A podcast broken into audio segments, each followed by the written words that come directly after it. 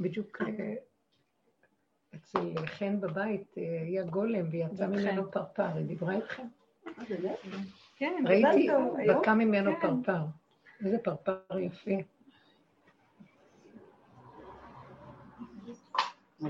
אז למה אני אומרת את זה? כי כל התכלית של העבודה שלנו זה להגיע לתכלית ה... כמו שאומרים, תכלית הידיעה שלא נדע, תכלית העבודה שאין עבודה. עשינו הרבה עבודה, ואין לנו שום כוח להמשיך לעבוד, בגלל שזה אחיזת עיניים, העבודה. כי אף פעם זה לא ייגמר פה, הנפש. היא לא נגמרת. אה, עייפנו מהעצמיות שלנו, שהיא אה, פסאודו-עצמיות, היא שקר, תודעת עץ הדעת שקרנית. אני לא חוזרת מההתחלה. אה, מי שבא, חדשה, אה, צריכה עכשיו לשמוע את השיעורים של לפני עשרים שנה. אז היא תיכנס לעניינים. הן מחוננות, הן יבינו מהר. ברור, שאם הם הגיעו עכשיו לפה, אז הן כנראה מתאימות לשלב הזה. בכל אופן, כל העבודה שעשינו זה כאילו הפירוק של אה, הדעת, תודעת, אנחנו קוראים לה, זה הקללה ש...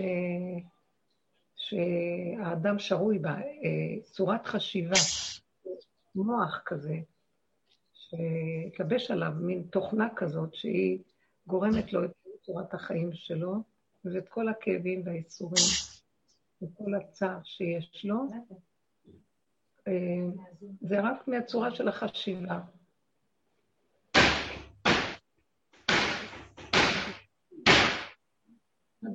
בואו נראה אתכם, לא אכפת לכם כלום. מה אכפת לכם שיתקעו בראש, ויבנו בניינים, מה? למה? חייך קודם לחייך חברך, בא לי לשמוע אותך פיקס. זה משם הטלפון? לא. בכל אופן, כאילו, סוף התהליך הוא שלא יהיה כוח לשום עבודה. כאילו, ויחולו השמיים והארץ, די, התקללו, הכוונה נגמרו, אה, והשם גמר את המלאכה שלו, של עבודת בראשית, בניית בראשית, ושבת ויהי נפש. רש"י אומר, ויהי עבדה נפש. אין נפש. כל הדורות תיקנו את עץ הדת. התוכנית הזאת היא תוכנית, היא, היא הקלקול שבו מאז שאכלנו מעץ הדת, העולם שרוי בקלקול גדול. אתם כבר יודעות את הדיבורים שלי, אז אני לא אעשה חזרה. עכשיו, התיקונים הלכו בשלוש חלקים. זה, תיקנו את האור של השכל הגבוה, כאילו האור של הנשמה. חכמים מאוד מאוד גדולים בדורות קדומים. היו סוגי חכמים מאוד מאוד גדולים, פילוסופים גדולים, בעלי מוח גבוה של אור הנשמה, חשיבה גבוהה, וגם שם היה צריך לתקן. אה, כמו אברהם אבינו היה אור של נשמה גבוהה, והוא כתב את ספר יצירה, ועוד לפניו, שם ועבר, כל הבית מדרשו של שם ועבר היה חקירת הבריאה. חקרו את ה... יסודות של הבריאה, ברמה הגבוהה ביותר שיש, אה, רמה של אה, יותר, מ, יותר משכל של, של, של תורה, חוכמה. זה חוכמת הבריאה. אחר כך תקנו ברמת הרוח של הבריאה, שזה האור של התורה וכל חכמי התורה וכל הדעת, להיכנס בתוך המוח מבחינת רוח הדבר, לימוד והבנה והשגה ופרשנות ומשמעות וכתיבת ספרים. ואחר כך, בסוף הדורות, תיקנו, נכנסו לתקן את הנפש שבדבר. אז יש את הנשמה, את הרוח ואת הנפש. חז"ל ממשילים את זה במדרש מאוד יפה, שכתוב שיש שלושה ייעודים לימות המשיח. כדי שיתקיימו ימות המשיח, צריכים, צריך עץ הדת לעבור את שלושת היעדים האלה, כאילו, כאילו יש לו שלוש מעברי מכשולים, והוא צריך לתקן. והראשון נקרא בלשון המדרש אה, הלוויתן, השני נקרא אה, זיז, זיז שדי, זה מה שכתוב בתהילים. זה עוף, סוג של עוף, שזה רוח. לוויתן זה סוג של נשמה, גבוהה מאוד. מה זה? הוא רובץ בתוך ים החוכמה, כמו שהמחשבה היא חבויה, ואף אחד לא יכול לקרוא אותה, זה ים החוכמה. בפנים, אף אחד לא רואה אותו, זה הלוויתן. אחר כך הרוח זה עוף, כי זה יסוד הרוח. זה שני כנפיים, טוב ורע, טמא טהור, מותר אסור, כשר פסול, הבירורים בין שני המהלכים. ואחר כך הנפש. הנפש נקראת בהמות בהררי א', ישנה בהמה שרובצת, על אלף ערים, ואלף ערים מספקים לאוכל, זה מדרש כזה. מה זה הבהמות בהרי אלף? זה תיקון המידות בעצם, זה עבודת המידות, ההתבוננות. והעבודה שאנחנו נכנסנו אליה, היא שייכת לחלק הזה. כל החלקים שייכים גם, אבל אנחנו התמקדנו בלשים פנס, כאילו לסגור את המוח, את הדעת, ולהיכנס למנגנון של הדעת, שהוא בעצם בתוך המעיים, הבטן, תיבת פנדורה, הנחשים והקרבים, של למה, מאיפה השורש של כל הקיום הזה. הם, בדורות הראשונים ראשונים, חקרו בשורשים העליונים, בריחוף של האור של הנשמה. ופה זה ביסודות הנפש, במציאות הגוף, להבין את הנפש. אה, והנפש, אה, לא יכולים להבין אותה. באמת, יש ארבע גלויות, שבעצם זה שלוש, גלות מדי, פרס ומדי, גלות בבל, אה, גלות אה, יוון וגלות אה, אדום. גלות פרס, אה, גלות, גלות בבל, פרס ומדי, מסמלת את האור של השכל הגבוה שהיו בהתחלה זכלים מאוד גבוהים. יוון מסמלת את הרוח, ואדום מסמלת את הנפש, תהום, שאין לה, לא יודעים מתי נגמרת, אין לה סוף. למה אני נותנת כל הקדמה הזאת? כי אנחנו עסקנו ביסוד הזה של הגלות האחרונה, זה העבודה של יצחק אבינו שהיה חופר בארות וירד לעומק של לחפור, להוציא את האפר כדי לפקות את המים חיים שנסתתמו הבארות, שפלישתים סתמו. מי זה פלישתים? זה תודעת עץ הדעת במידות שמתפלשת ומתרחבת ו... בהפקרות, רחבות, הפקרות. וכל העבודה שלנו היה לחקור את התוואים ואת המידות שלנו ולהסתכל ולראות שהעולם היה רק המראה שמראה לנו את עצמנו. היסוד היה שאם יש לנו מצוקה, זה לא השני, השני רק מראה לי את עצמי.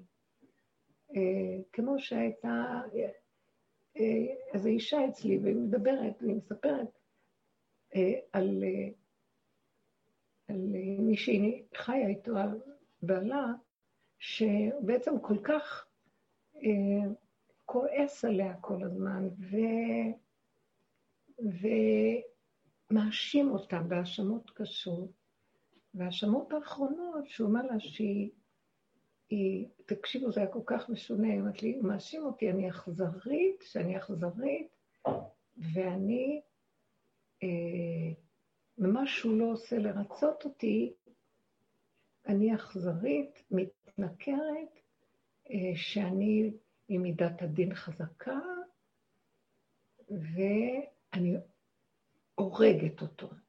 רצחת אותי, כך הוא אמר לה. אז היא באה בבהלה להגיד לי את זה. זאת אומרת לי, אני כזאת, תגידי, את רואה אותי כזאת? כשישבנו ודיברנו, אז הסתכלתי לתוך מה שהיא דיברה, ואמרתי לה, מה, אני מכירה אותה קצת. ומהדיבור שהיא דיברה, אז ראיתי שהיא טיפוס שהיא לא יכולה לסבול שקר. היא לא יכולה לסבול שמתחמנים אותה. היא לא יכולה לסבול שאין רמה. היא לא יכולה לסבול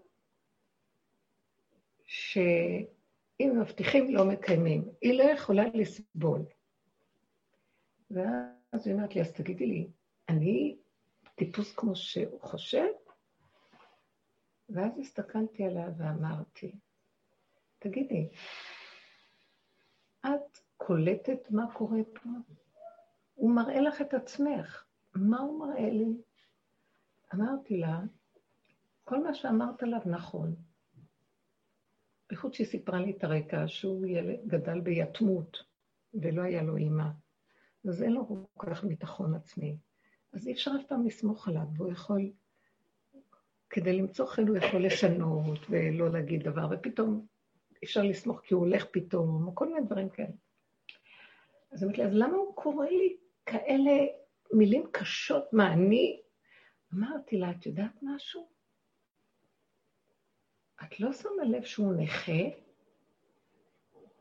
ואת דורשת ממנו להיות מענץ', ברמה ממש מה שנדרש מבן אדם בעל שיעור קומה. אז הוא מנסה לרצות אותך בכל מיני, והיא סיפרה לי, אבל זה לא מרצה אותה, כי כל פעם זה קורה מחדש.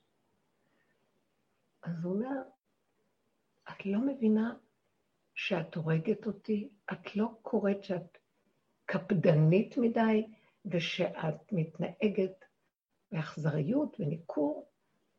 אז היא אומרת לי, אז איך את היית מגיבה לכזה דבר? לא היית. אז אמרתי לה, את נכה בדיוק כמוהו. שמה לב לזה? אם הוא נכה, אם היית רואה אדם נכה בחוץ, היית צועקת, תרים כבר את הרגליים שלך, למה אתה לא הולך כמו שצריך? עד שלא תלך כמו שצריך, אני לא עוזרת לך. זה שייך? לא. למה את מתנהגת ככה, שאת כועסת עליו ושמה עליו כל הזמן מטלות, שהוא מנסה לרצות ואת לא קולטת שהוא לא יכול? נתון פשוט, הוא לא יכול. שמה לב? זה המצב שלו. את רוצה, תישארי, את רוצה, תלכי. אבל את כל הזמן נותנת לו, אם לא תעשה ככה, אני לא זה, ואם לא ככה...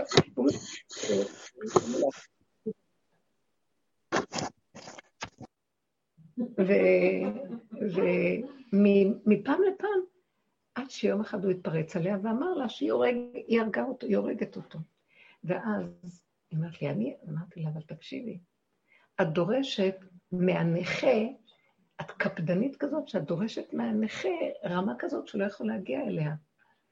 את מבינה שזה בדיוק אותה נכות שאת לא קולטת שהוא נכה, ואת דורשת ממנו משהו אחר, את גם נכה.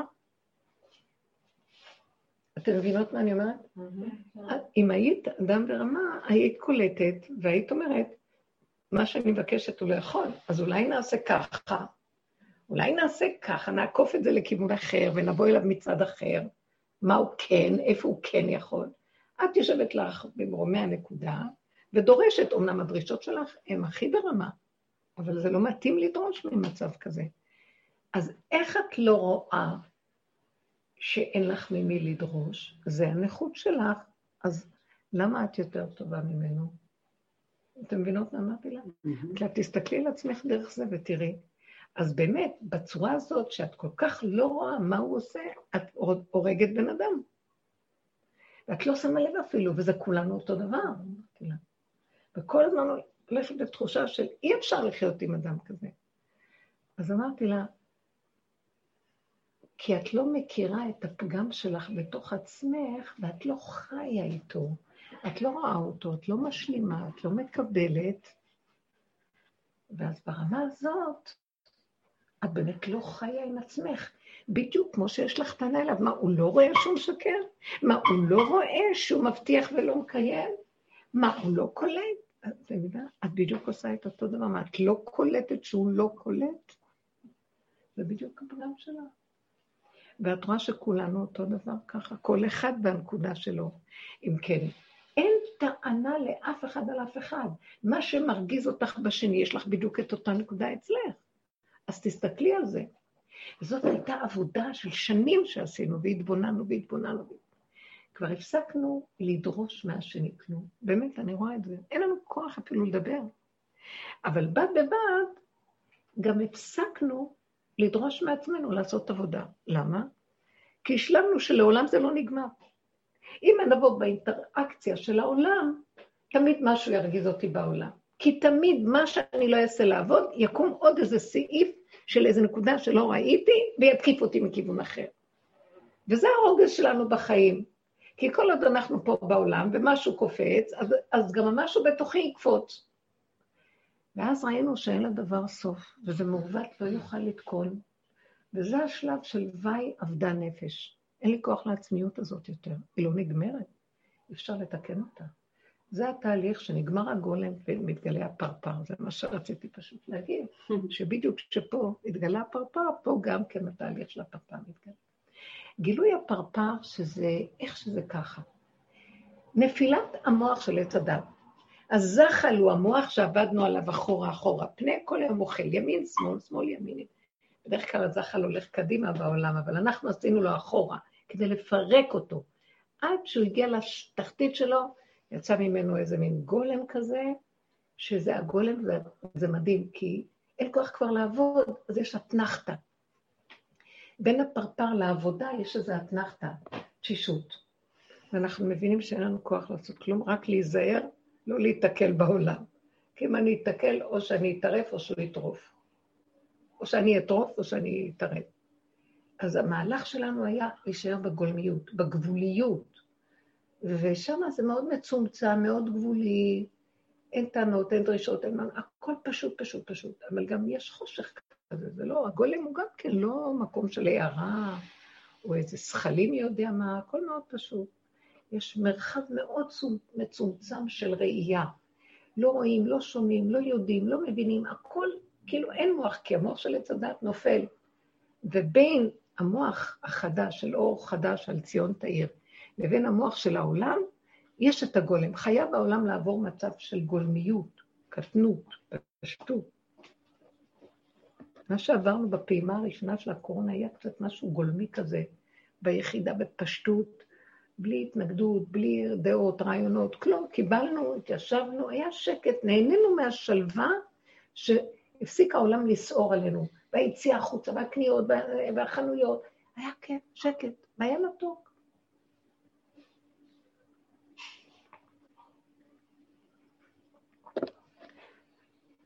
גילוי הפרפר מתוך הגולם זה התחלת מציאות של אה, אורו של משיח מתגלה. זה האורו של דוד, משיח בן דוד. זו מציאות אחרת לגמרי, היא לא מציאות של מוח, היא לא מציאות של מחשבה רגילה שאנחנו רגילים. אחד ועוד אחד שווה.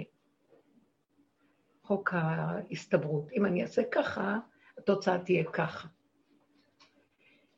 אין שם היגיון, אין שם שכל כמו שאנחנו רגילים, אין את המוח של עץ הדת, יש חושים, טבעים, מבחינת יסוד המידות, לב, פשוט, שקולט וחי את מציאותו, ומשם בוקע חוכמה מאוד גדולה.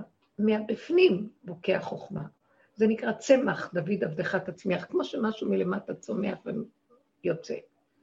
זה אור אחר, ששם אי אפשר בשום אופן לבוא, אין שני שם, אתה לא יכול לבוא לשני בטענה, כי גם אתה אותו דבר. אז אין מוח, כי המוח תמיד יטען. כי המוח של עץ הדעת הוא מדומיין, הוא לא רואה את עצמו, הוא לא עושה השבה אל ליבו, הוא חי עם הידיעה כלפי חוץ, ותמיד בשתי הקצוות שלה. אבל אם הוא היה מפנים, הוא היה רואה בעצם שהפגם שלו, מה יבוא בטענה לשני? היא השתתקה ששמענו את זה. ואז אמרה לי, את רוצה, ישר אמרה, את רוצה להגיד שאני חיה עם כזה נכה? אמרתי לה, לא, שהוא חי עם כזאת נכה. המסקנה הייתה ש... אז היא אמרה לי, נכון. אז אמרתי לה, תראי, או שאת אומרת, אני לא יכולה לחיות עם נכה כזה, כי מראה לי את הנכות שלי וזה לא יכולה להכיל, או שתגידי, אם משהו מראה לי זה טוב, אז אני רק אראה את הנקודה שלי, ורק איתה אני אעבוד. אז היא אמרה לי, אני לא אוכל לעבוד. אני לא יכולה. אני, היא לא בסוג של העבודה שאנחנו נמצאים, אני צריכה חיים עם מישהו שנחמד לי. אמרתי לה, זה, זה נחמד מאוד, שאת תימשכי תמיד למי שבדיוק הפוך ממך. כי זה מה שימשוך אותך, זה לא הנוקשות אה, שאת כל כך מסודרת ונוקשה והמוח שלך מסודר, ואז את נמשכת למשהו שהוא רך, זה מה שמושך אותך, אבל תמיד אחר כך תהיה לך טענה שהוא לא עומד בתנאים ובדרישות. וב... אז זה תמיד יימשך לעולם. בכל אופן, זה המהלך של עץ הדעת, ואין כוח יותר, אני רוצה שנדבר על זה היום. כי אנחנו בתהליך של נפילת הכוח הזה. כלומר, איך, איך, איך יהיה המציאות של משיח בן דוד? או המציאות, התודעה הזאת. היא תודעה של, איך אמר לי פעם מישהו? משיח שטיח. כאילו שטיח של, של המציאות. השתטח, כאילו הוא חי עם ראש באדמה, אם ככה המציאות, אז הוא משתלב עם ככה, ואם ככה, אז זה ככה. ואין טענות, ואין מענות, ואין ציפיות, ואין דרישות. ויש ככה. וגבוליות מאוד גדולה, שלא יכולה בשום אופן אחרת ממה שהיא. אז מכאן גם מסיקים שאי אפשר לבוא בטענות לאף אחד. כי רואים את הגבוליות, וכשאדם רואה את הגבוליות שלו, באמת, מבחינת השבה אל הלב, זה התודעה הזאת. אז הוא לא יכול אף פעם לבוא בטענה. שמתם לב איך אנחנו חיים עכשיו? אולי תשאלו שאלה ואני עכשיו אראה לכם כמה טענות יש לכם על החיים. כולנו. יש מלא טענות על החיים. יש לי שאלה. כן. אני מוצאת עצמי שאני כל הזמן ביום-יום, אה, תחת המטלות, כל הזמן עם אה, אה, מכונסת. מכונסת בעצמי, פרצוף כזה קשוח, ככה אני מתנהלת. זה לא, לא יודעת, זה לא ממש מעיד על הבפנים שלי, אבל ככה אני כאילו כמו במגננה. אז אני ככה כאילו, כל היום, ובעלי אמר לי, זה קצת לא נעים, כל הזמן ככה. ככה אני כל הזמן קשוחה, אני אומרת לו, אני לא כועסת, אני לא יכולה מרוכזת, משתדלת להתרכז, זה לוקח ממני כוחות אדירים, כאילו, אז אני... אבל כאילו זה משרה קצת עבירה. את רוצה להגיד שכתוצאה מהדרך, במקום כל הזמן לשוטט ולא תטורו מעיניכם החוצה? אני כל הזמן במאבק, במאבק כביכול, לא יודעת לא במאבק, אבל כאילו לשמור. כי המון הסחי דעת, המון דברים שגונבים אותי, אז הצורך הזה בלשמור על הנקודה שלי ולא לאבד את זה, אז זה לוקח ממני הרבה כוחות, והן כל הזמן ככה, כאילו, פנים מכווצות, אה, כזה, נראית כעוסה. זה מראה, זה מראה שיש עוד את המוח של עץ הדעת. ואז אנחנו חיים את הסכנה ואנחנו דרוכים. כן. כי אנחנו יודעים שאנחנו יכולים ליפול. יש עוד את העצמיות של עץ הדת, והיא חיה את סכנתה, והיא לא רוצה לחטוף. אז היא חיה כמו אה, חייל בשדה קרב. כן, ממש. כאילו כל הזמן יש מולי דרישות, ואז אני צריכה לחשוב, כן, לא, אני צריכה להפעיל את הגל... זו שאלה לא- מצוינת. זה לא הולך לי בקלות. שאלה מצוינת. כי אז היא צריכה להביא את זה למחשבה, והיא צריכה לפסוק לפי המחשבה. ותוך כדי יש לי מטלות, והייתי בדרך למשהו כבר. אז בואו ננסה לתרגם את זה. בדרגה הבאה של הפרפר, גילוי הפרפר, התודעה החדשה, המוח, אין מוח. יש, כנף, יש, יש מציאות שמזיזה, תנועה. סיבה שמזיזה, אני באה לכאן, בסדר. מישהו אומר לי משהו, אם... היצריות מדברת, הלב, המידות מדברות, היצריות הפשוטה, בלי ביקורת אפילו.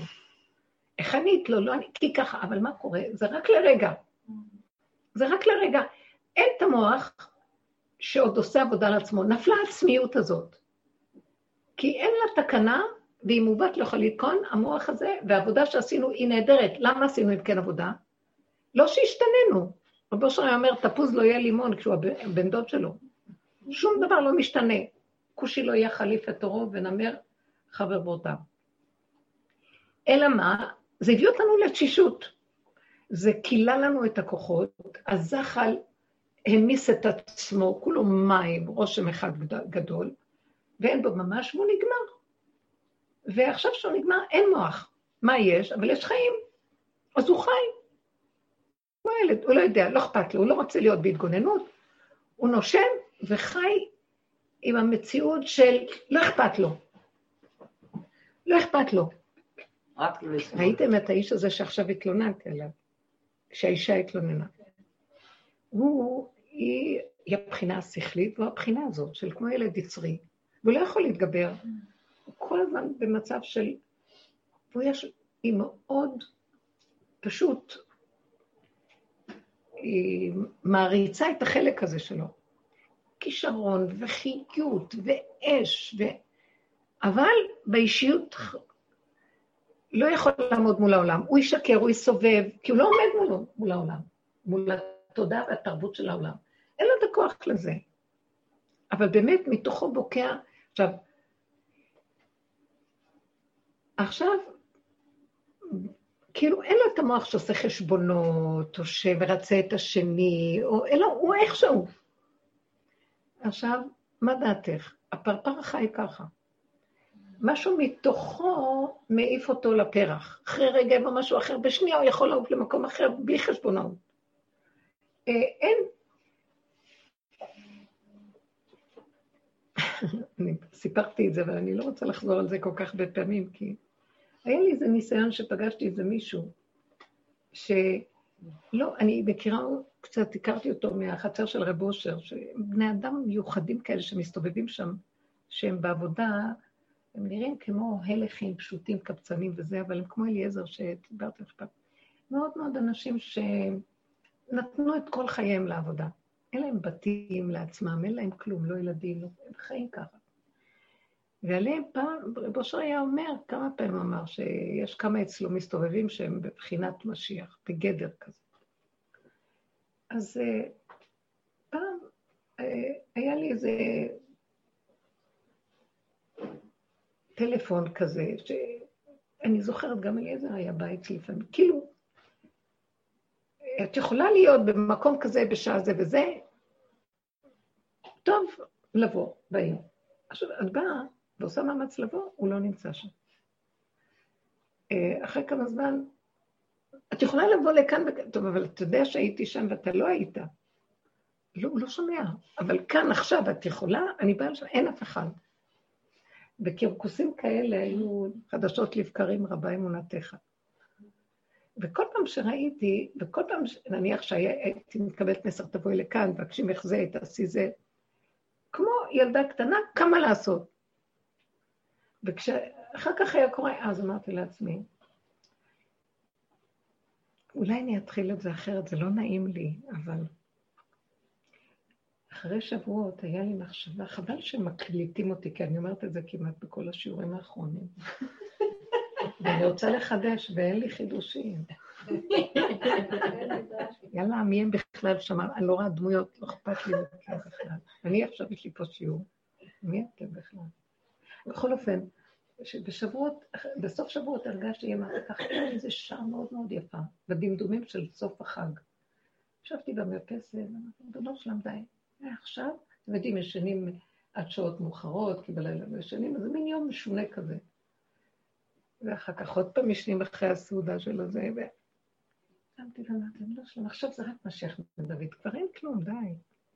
אין, אין כלום. הורדת כבר בטח את התורה של משיח והלוחות הראשונים. למחרת אני מקבלת טלפון מאותו אחד, ואומר לי, היי, תבואי פה, ואמרתי, מי אתה? אומר, אני דוד, קוראים לי דוד. מה, מי אתה, דוד? לא, לא זכרתי שאחד כזה הסתובב בשם כזה. אני דוד ודוד. דוד, משיח בן דוד, דוד, דוד. עכשיו, אני לרגע אפילו לא, לא, לא התפעלתי. מתקשר מישהו, רק אתמול ביקשתי. אמרתי, עוד איזה משוגע. כל, כל העולם מלא כל מיני. אבל זה מעניין שגם לא התפעלתי מזה, רק אמרתי, טוב, תבואי לכאן. אני באה או איננו. אחר כך עוד פעם, תבואי לכאן. הוא התקשר, אז אני הייתי את המספר. טוב. אחר כך עוד פעם. וכל פעם שבאתי, עד שפעם אחת תפסתי אותו, אז הוא אמר לי, טוב, איחרת בשתי דקות, אני, אין לי מצב רוח עכשיו. כאילו, מה אתה רוצה אותי? מה אתה רוצה? שום דבר. מה ששמתי לב לעצמי הוא שהבנתי, נזכרתי שהוא אחד מאלה של החצר, כי ראיתי אותו פעם מזמן. נזכרתי שבעצם אין, אי אפשר לבוא אליו בטענה, כי הוא לא בסדר. הוא בסדר יותר ממה שאפשר לחשוב שהוא בסדר, רק הוא לא בסדר של הטבע שלנו בכלל, בצורת החשיבה. שמע, תהיה מן שאתה שעה ששעה, אני טרחתי, באתי, לקחתי מונית, רצתי, כל רגע אתה אומר, פעם אני מתייצבת, איפה אתה? מה, מה אתה רוצה בעצם? שום דבר. באתי, לא. למה? לא. זה לא יסתדר? לא יסתדר. והיו לי כמה סיפורים כאלה איתו, וכל פעם מחדש אמרתי לעצמי, די, תעזבי את זה, זה לא מתאים. ועוד פעם כשזה קורה, אני רצה להתייצב, וגם במצבים שבכלל לא יתוארו. כאילו היה לי איזה שיעור שהיה צריך להתחיל חצי שעה לפני כן. תראה, נשים מגיעות מחוץ לעיר, אני לא יכולה לעזוב עכשיו בבית. אני יותר חשוב מהכל. עכשיו, אני לא יודעת מה לעשות. פתאום אמרתי, טוב, חצי שעה עד שהם יבואו, עד שיתיישבו, עד שזה שלושת רבעי שעה, עכשיו אני תופסת עכשיו אני הולכת. אני באה לשם איננו. אז באיזשהו מקום אמרתי לעצמי, תקשיבי, אין שום טענה. מה את... אז מה יש לך מכל זה? פתאום אני אומרת לעצמי, נכון שאת ביקשת משיח בן דוד, את מוכנה לכזה מציאות? הנה, אמרו לך, את רוצה משיח בן דוד? ככה. את רוצה? את יכולה? מה שלא יהיה, איך שלא יהיה, אין מוח, אין, אין ביקורת, אין שיפוטיות, אין ציפיות, אין דרישות, יש ככה וזהו. כן הלך טוב, לא הלך טוב. אני אפילו לא רדפתי אחריו, פתאום ראיתי. פשוט שמו אותי כדי לראות את עצמי. את יכולה לעמוד בזה? לתודעה אחרת. אין מה לדבר. ועכשיו, ואני יכולה להגיד, עזוב אותך, ואז חשבתי, לא, אני משהו אחר, לא מתאים לי, אני מצטערת. למחרת אתה יכול עוד פעם להתקשר ולהגיד איזה משהו, ואז זאת, כאילו כלום לא קרה. אז הבנתי שמה רוצים ממני? התאמנות פשוטה על אין היגיון, אין שכל, אין ציפייה, אין דרישה, אין ביקורת, אין שיפוטיות, אין עולם. יש ככה. שמעתם? זהו. אז זה אור אחר לגמרי. הוא לא בא בכלל מהמוח. כאילו, למה? אני אגיד לכם למה. הוא אומר לי במילים אחרות, תקשיבי, את חושבת שאני ברשותי? רגע אחד הרוח מעיפה אותי לפה, ורגע אחד לפה. אני שטיח. מה שמבקשים ממני, אני, אני לא קשור. זהו זה. את רוצה להיות קשורה עם דבר כזה? פתאום אמרתי לעצמי, זו לא שאלה, את רוצה להיות קשורה או לא רוצה להיות קשורה, אנחנו נכנסים לתהליך כזה עכשיו. הבנתי למה הראו לי את זה. כי אנחנו נכנסים לתהליך הזה, זה לא תהליך שכלי, זה לא תהליך של עבודה, נגמרה כבר העבודה, כי כל עוד יש מוח, ויש סדר וזמן ומקום של עץ הדת, אז יש עבודה. עבודה מלשון עבדות. יש פרעה. נגמרה עבדות. יש רגע. החירות היא איך שזה ככה, נקודה. אם תבואי בטענה על אותו אחד, או על הבעל הזה של האישה הזאת, אז זה שיעבוד. את, את רוצה ממנו שיעשה ככה, ואני לא כזאת, זה עוד לא התחיל לגרד את השטח. שנים אנחנו רואים את עצמנו בתוך כל דבר. והפסקנו כבר לצפות מאחרים, אבל עדיין אנחנו מחפשים את עצמנו, קרה משהו, אני מחטטת לראות. מה, מי, מו. במקסימום, שעד ש... כל כך הרבה עברנו, ולא הצלחתי להזיז את החברות ואת התלמידות ואלה שבאות לשיעורים, כן, אבל בני ביתי לא קל להם היה. סוף סוף הם התחילו להיכנס. ואז הם באים לפרק איתי דברים. ואני, אין לי סבלנות אליהם כבר. אבדה לי הנפש, אבד לי כוח הפירוק. לא בא לי על המוח הדביל הזה כבר. אני אומרת, לא, הם רוצים להבין מאיפה העניין הזה, ומה זה, ואיך הם הסתכלו עליו גם, ומה הם ידעו. ואני אמרתי, יאללה, אין תקנה פה. שנים חיזרתי אחריהם, בכיתי, מה לא, כלום לא עזר להשם, כן? הם אמרו, מה פתאום, מה קשור, מה קשור? ופתאום עכשיו שהם רואים, זה כאילו, הם שכחו מה הם אמרו לי, והם גילו דבר חדש, והם חושבים שזה שלהם. אתם יודעים? את יודעת, גיליתי שאני זה וזה וזה. רציתי להגיד לה, תגידי שאני אמרתי לך, את לא זוכרת שאני... אפילו הם לא רואים שזה אני בכלל, כי היא גילתה, הבנת? לא חשוב, אני צוחקת. אמרתי, אין תקנה לה, ואין תקנה גם לי, שעוד אחרי כל העבודות, שכבר אין לי צורה ואין לי כוח, אני עוד רוצה שידעו שזה אני, אמרתי. אין תקנה לאגו הזה, אין, אין, אין, מעוות לא יכול לתקון. ואז ראיתי ואמרתי, וואו, אין, זה רק אתה, בורא עולם, יכול להביא אור חדש כזה, שלא עושה אחד ועוד אחד ומתחדש ממקום אחר, שיכול לעזור עכשיו למי שרוצה, נניח. כי מטעם השכל והטוען בנטען והפרוצדורה והתהליך של הדבר, אין לי כוחות לתהליכים, אין, נפל המוח של התהליכים. אין תהליכים. אין סדר, אין משמעות. אין משמעות לכלום. תגידו, אתם לא רואים מה קורה בעולם? מזמן כבר שאין בכלל שום משמעות. אין היגיון במה שקורה. הכל נראה כאילו מאבדים שליטה, וכאילו עוד אלה כותבים את החדשות, ואלה זה, כי יש להם עיתונים ויש להם, זה כבר שבלונות מסודרות, כל מה שהם צריכים לכתוב והכל, אז הם צריכים להכניס שם חומר. אבל אין, אין היגיון בכלום. לא יכול להיות. אדם עומד תמה משתומם. ולמי הוא יאמין? אין על מה להאמין בכלל. וזה במוחש נעשה כתוצאה מעבודות, מעבודות פנימיות שנעשות בעולם, ואנשים מפרקים את המבנה הזה, כאילו מלמטה הצוללן אה, הולך לפרק אה, אה, את הספינה מלמטה, את חדר הבקרה מלמטה. הכל מתמוטט עכשיו, כזה. עוד בקורונה ראינו את זה. אתה יודע שזה קרה לי בדיוק השבוע? כן. הלכנו לצלול, והתנתק לי משהו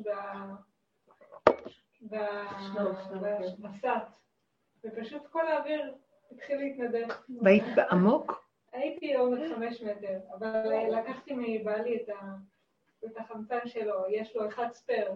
פשוט אני כאילו... וואו. לא, היינו עם מדריך. איזה סכנה. אה? באיזה עומק זה היה? בעומק חמש מטר. אבל זה בדיוק כמו צוללן שיוצא לכל הזה. יש על משהו לסמוך, תגידו? איך? אין על מה לסמוך. לא, זה כאילו, אני לוקחת את ה... לא, אבל נניח שלא היה חלילה או משהו כזה, אין על מה... בעומק כזה זה לא נורא. זה לא נורא, תארו לכם שזה יוצא. לא, אבל זה כאילו, כן, זה לא, לא מצב נעים. השם יעזור, באמת, זה לא פשוט בכלל. זה בסדר. בלי אוויר, אה? מעניין. הוא לא נתן לי לעלות, כאילו, המדריך הוא... הוא כאילו סימן לי בסדר, כן, כאילו יוצא לי, אבל אני כאילו, אני עולה למעלה. אז הוא אומר, לא, בסדר, כאילו, יש לך עוד, וגם יש את הבסת ספייר. והוא לא נתן לי לעלות, סיימנו את המסלול, ככה עם התקלה הזאת. היה ממש מוזר. איפה עשית? יפה, כן.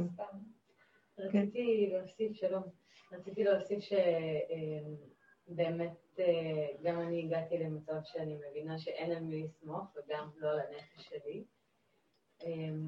ומתוך האין מי לסמוך, ממש לאחרונה הגעתי לזה שהדבר היחיד שאני יכולה לסמוך עליו זה הבקשה לחיבור עם הבריאה, עם הבורא, עם האנרגיה של, ה, של האור והאהבה, ממש לראות את הצינור הזה. והיא אמרה עכשיו שהוא, בסדר, אז הייתי עולה למעלה. אפילו על זה, על החיים האלה, על ההאחזות בחיים, בסדר, אז, אז אם לא פה, אם אנחנו לא פה, אנחנו... תמיד יש. המשכיות, כן. כאילו, אפילו על הפחד וההאחזות הזאת, שאנחנו מנסים לסמוך על החיים, על הגוף הזה, זה כאילו, גם זה, כמו שאמרת, בסדר, אז, אז עולים למעלה, ואם יש לך עוד אוויר, אז את נשארת. אז, אה, אז כן. באמת, אין על מי לסמוך חוץ מעל על, על הזרם של הבורא. וזה בדיוק הנקודה, שכאילו, גם הבורא הוא לא נמצא למעלה. זה נמצא בתוך המציאות של השלמה והסכמה, וצריכה לבוא איזו עבודה קודמת. אם אדם לא יעבור את הדרך שעשינו, אז האיסורים של החיים עושים לו את זה, וממילא, מתוך הניסיונות שלו, אם הוא זוכר, הוא רואה את זה, אם הוא לא נשבר ורוצה למות מרוב ייאוש.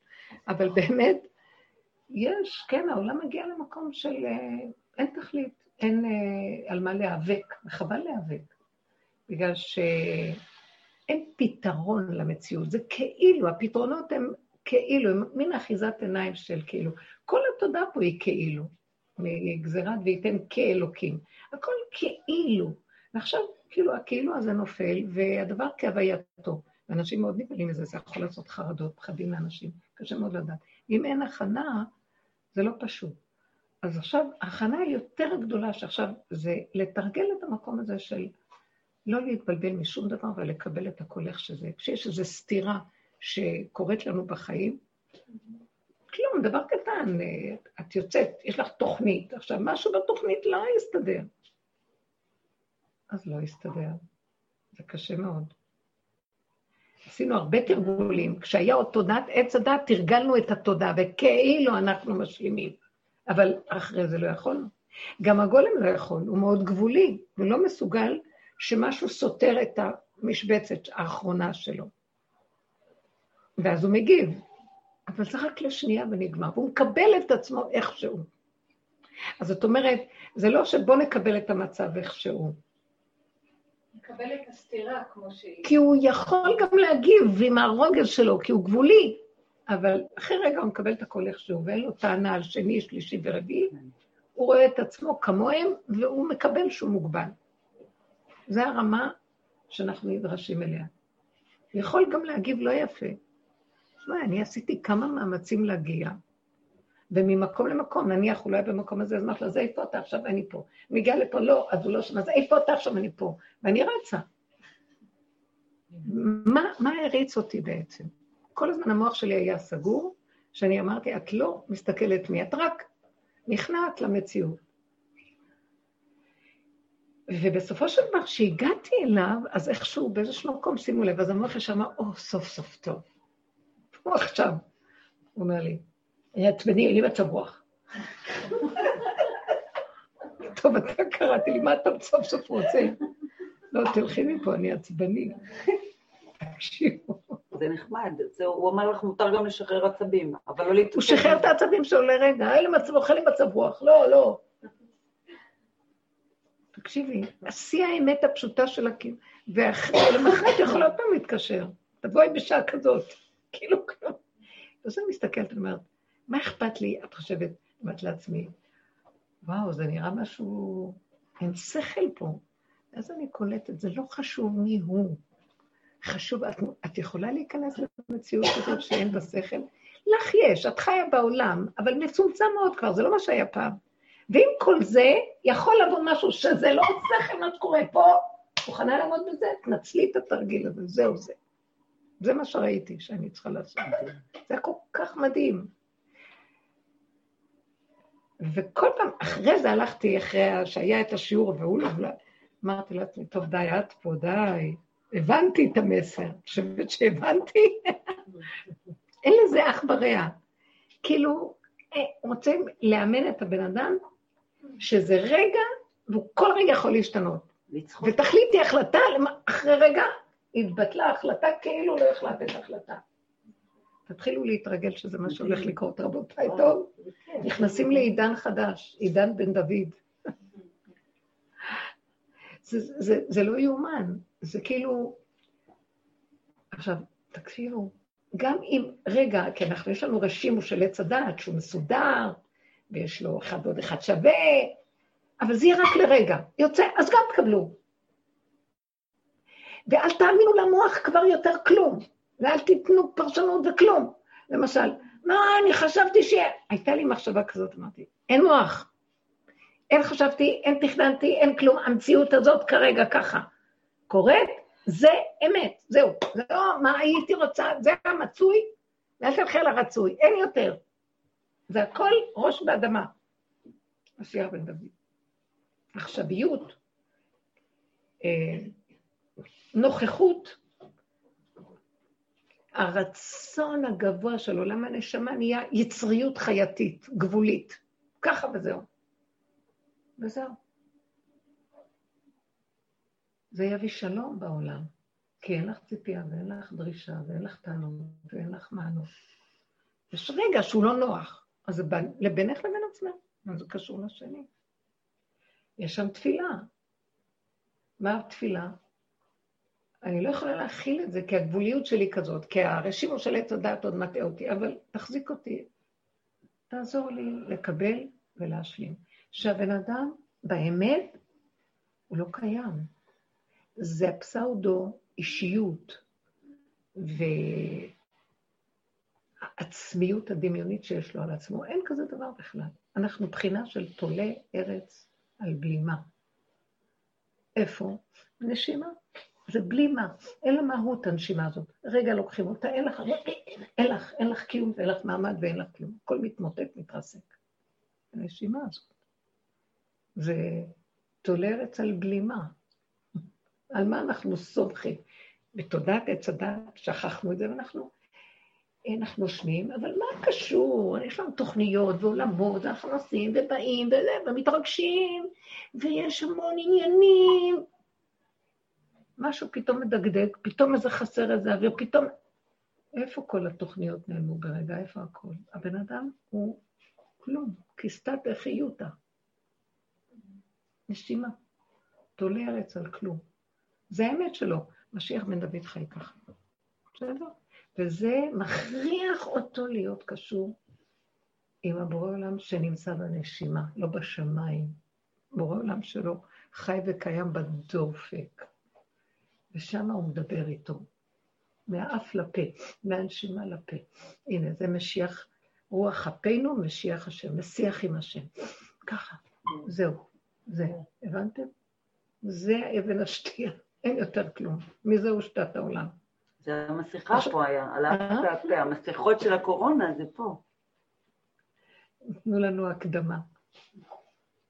אין פה, זה חלל פנוי, ריחוף, דמיון, אפשרויות, משמעויות, אה, כאילו.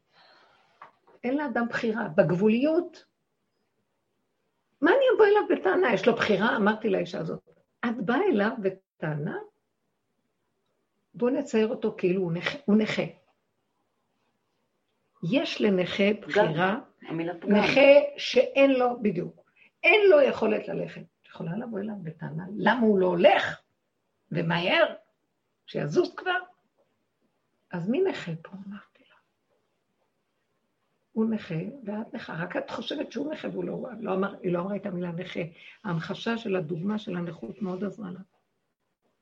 כי בן אדם לא יכול, את לא מבינה שלא יכול, את לא עוברת את התהליך של העבודה. בעבודה שעשינו ראינו את הלא יכול שלנו, מה אני בטענה לשני שהוא לא יכול? וקופץ לי לפעמים הרוגז על השני כמעט לא יודעת מה.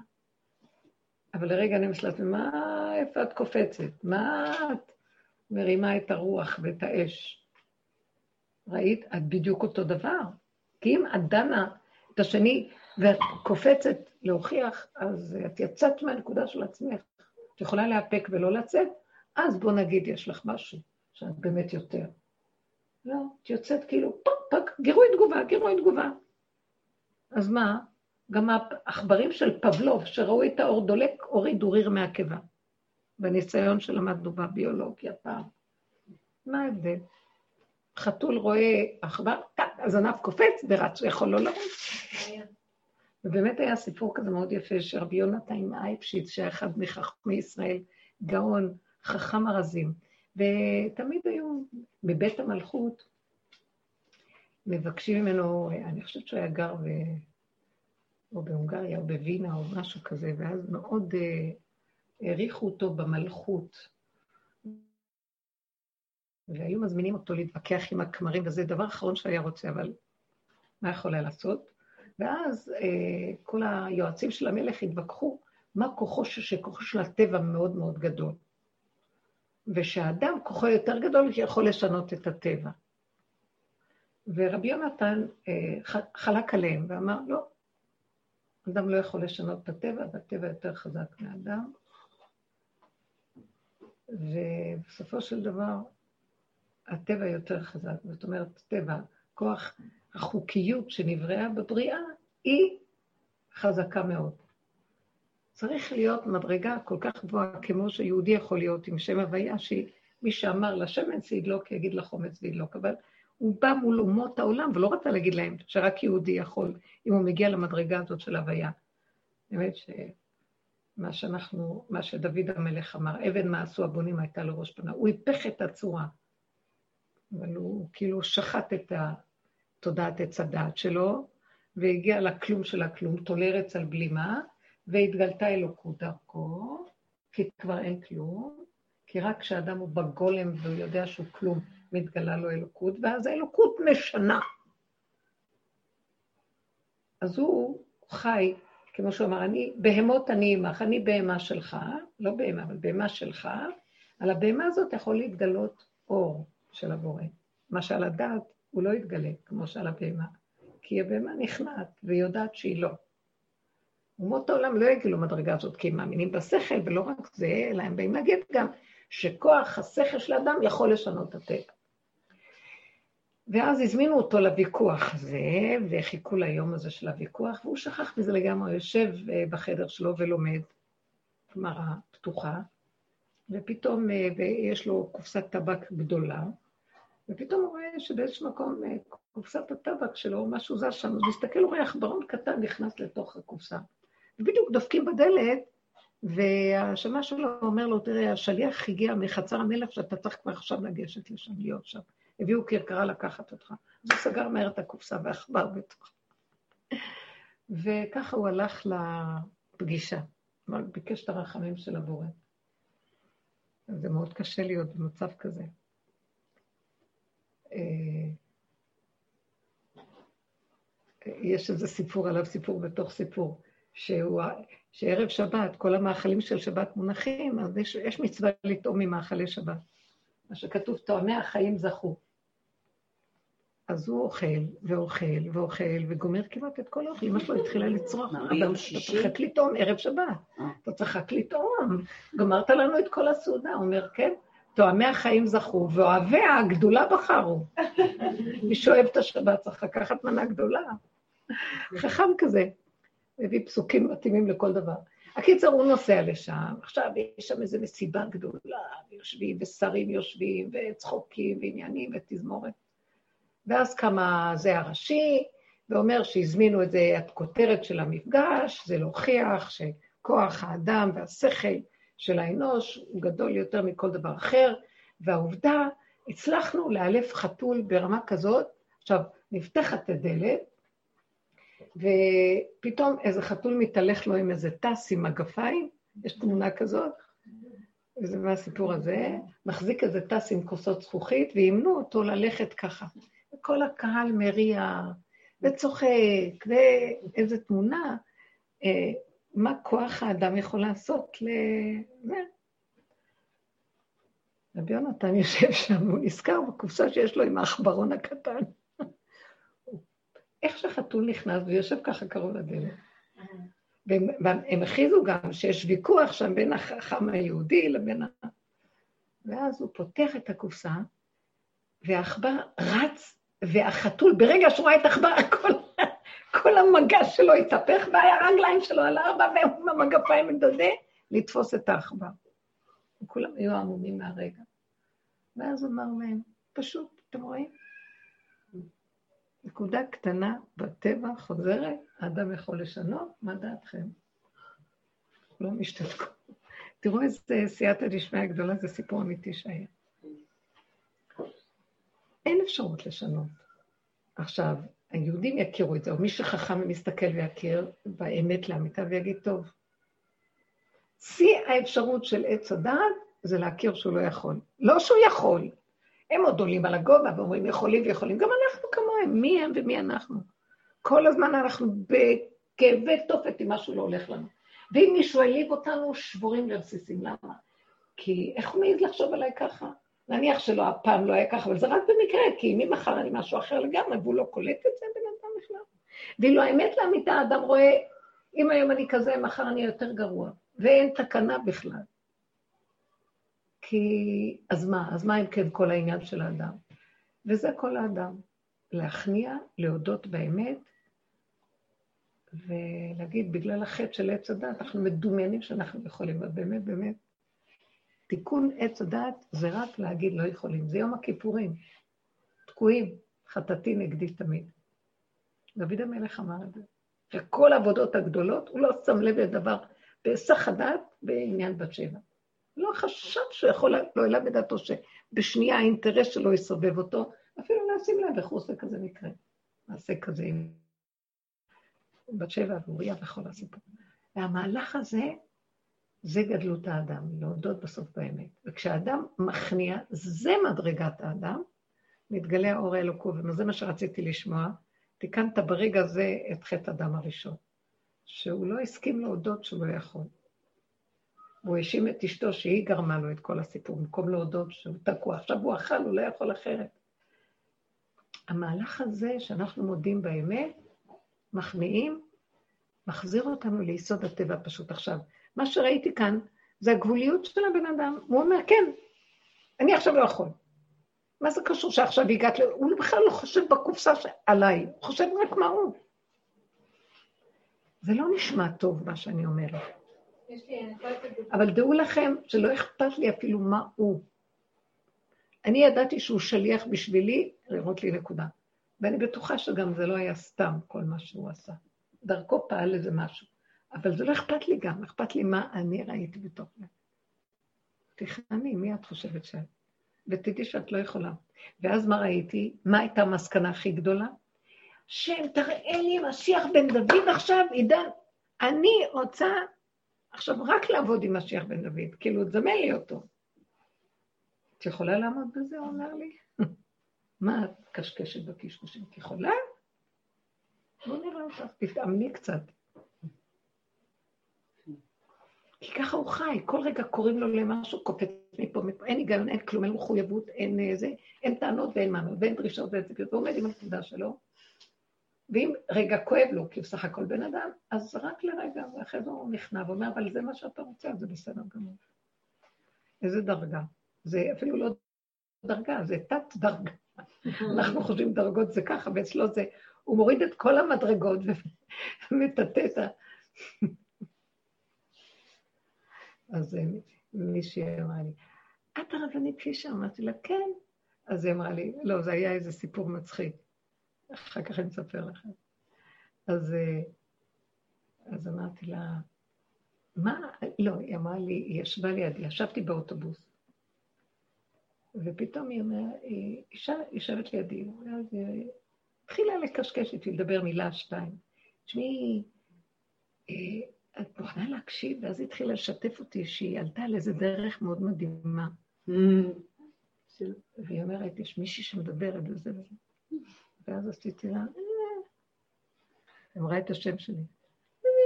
גם כן משהו, כאילו, גם כן משהו. אז אמרתי לי, אני חולקת עלייך, זה לא יפה שאת... מאיפה את יודעת? מה? אמיתי או רבנית? אמיתי, אמיתי. נו, קדימה, תמשיכי, נו. לא, סיפרת את זה פעם. לא, לא שמעת. אה, לא, היה שם איזו נקודה שרציתי לומר ופתאום נעלמה לי. אולי לא הייתי צריכה לספר את זה, לא, אבל לא, מה היה שרציתי להגיד? לא זוכרת, פתאום נעלם לי, זהו בלוק, השם לא רוצה שאני אגיד. נו, היא אמרה, את הרבנית פישר? לא, לא, בסוף לא אמרתי לה כלום, רק לא? בסוף שהיא דיברה ודיברה, ואמרת לה, תראי, לא, לא, זה דרך מדהימה. אז מה את ככה מדברת? מאיפה את מכירה אותה? היא אמרה לך רבנית פישר? כל פעם שהיא דיברה עשיתי לה גם כן עוד מישהי. אבל לא, אחרי כמה תחנות היא ירדה למזלי אותו. לא אמרת לה? לא, אבל זה היה כל כך מצחיק, אבל רציתי להגיד משהו אחר והוא נעלם לי, זה לא היה זה. תכף אולי אני אזכר. זה הנקודה שלא חשוב, זה יבוא. בכל אופן, איפה הייתי שהתחלתי לדבר? אולי תחזירו אותי. יואו, איזה בלוק הוא עשה. על לא, המקום הזה של אה, אה, מצד אחד לא לעשות אה, פעולות, כאילו על המקום הזה של ההשלמה, ואז משהו אחר. על ההכרעה, על המשיח. מצד אחד אתה תקוע, ומצד שני, כאילו, אין צד שני, אתה תקוע בקיצור. כאילו, כל רגע משתנה. ההודעה בשינוי, היה משהו מדהים שרציתי להגיד, ופשוט כאילו עצמי, זה היה גם משהו עקרוני. כן, בטח. זה המקום הזה של בעצם אין לך שליטה על כלום. וזה בסדר. לא צריך להיות לך שליטה. כי זה תודעת עץ הדת, הדמיון של האני, ואני שולט ואני בדרגות. אה, כאילו אנחנו... זה המקום הזה של... אנחנו חושבים על מדרגות. בעצם המדרגות הן דמיון. עיקר העבודה, כי המדרגות נוצרו כתוצאה מהתודעה של עץ הדת, של הכל הולך ונהיה יותר גבוה, כמו אלוקים, אנחנו דמים של אלוקים גדול לשמיים, והכל יכול, הכל, ועולים ועולים ועולים. ואולי השם בכלל נמצא מאחורה, מאיפה אנחנו יודעים? זה דמיון. פעם אה, רבי בוני מפשיסחה, או שזה היה הבר, הברדיצ'ובר, רבי לוי יצחק מברדיצ'ב, הוא פגש איזה יהודי, אומר, מה שלום רב, מה שלום אה, רבי יהודי, מה שלומך, מה שלומך? אז הוא אומר לו, אין לי זמן, אין לי זמן, אני רץ קדימה, אני יש לי, אני רץ לתפילה, אני רץ, אני רץ, אני עכשיו עסוק מאוד. אז הוא אמר לו, מאיפה אתה יודע שהשם נמצא מקדימה שאתה רץ? אולי הוא מאחורה. מה אתה כל כך רץ? אז כל פעם שאנחנו חושבים מדרגות מדרגות, בעצם כל העבודה היא לפרק את עץ הדת, זה לפרק את המדרגות, באמת כמו שכתוב בנבואה, שהבניינים יתמוטטו והמדרגות יישברו, כתוב את זה בנבואה, המדרגות נשברות עכשיו, צריך להיזהר לא לעלות במדרגות. ו... אז פעם אמרתי למישהי, הלוואי שאני אגיע, אמרתי, היא אומרת לי, לא, אני לא במדרגה וזה, אמרתי לה, לא, לא, אני רק מטאטא את המדרגות שלך, לא, הרבנית, אל תגידי כך שאת מטאטא את המדרגות שלי, זה לא... אמרתי לה, לא, זו המדרגה יותר גדולה לטאטות את המדרגה. אל תדאגי, גם אני מחפשת מדרגה. אבל כל אחד מהדמיונות שלו על המדרגות. אני במדרגה יותר נמוכה. לא, אני במדרגה יותר נמוכה. לא, אני מטאטא את המדרגות שלך, אה, לא, זה לא יפה, את צריכה להיות יותר ממני. לא, אבל תשמעי, גם אני מחפשת מדרגה. היינו יושבים בחצר של רב אושר, והיה שם ספסלים, וכולם ישבו, חיכו לרב אושר, וכל הזמן היינו מתחרות אחת בשנייה בשקט, מי יותר מבוטלת מהשנייה.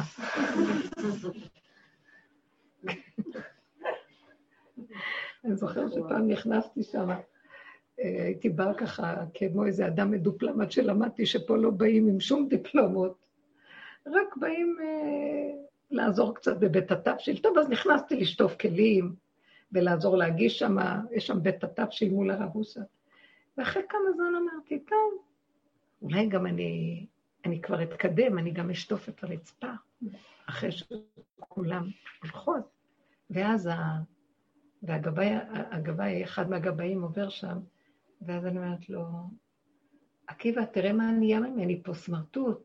כאילו, ראה אותי באה עם התיק של המנהלים, ולאט לאט אין תיק, אין כלום, שוטפת כלים. ותראה, עקיבא, כבר הגעתי ל... אז הוא הסתכל עליי ואמר לי, עוד ייקח לך הרבה זמן להגיע למדרגת הסמרטוט. אל תחשבי שהגעת כבר למדרגה הזאת.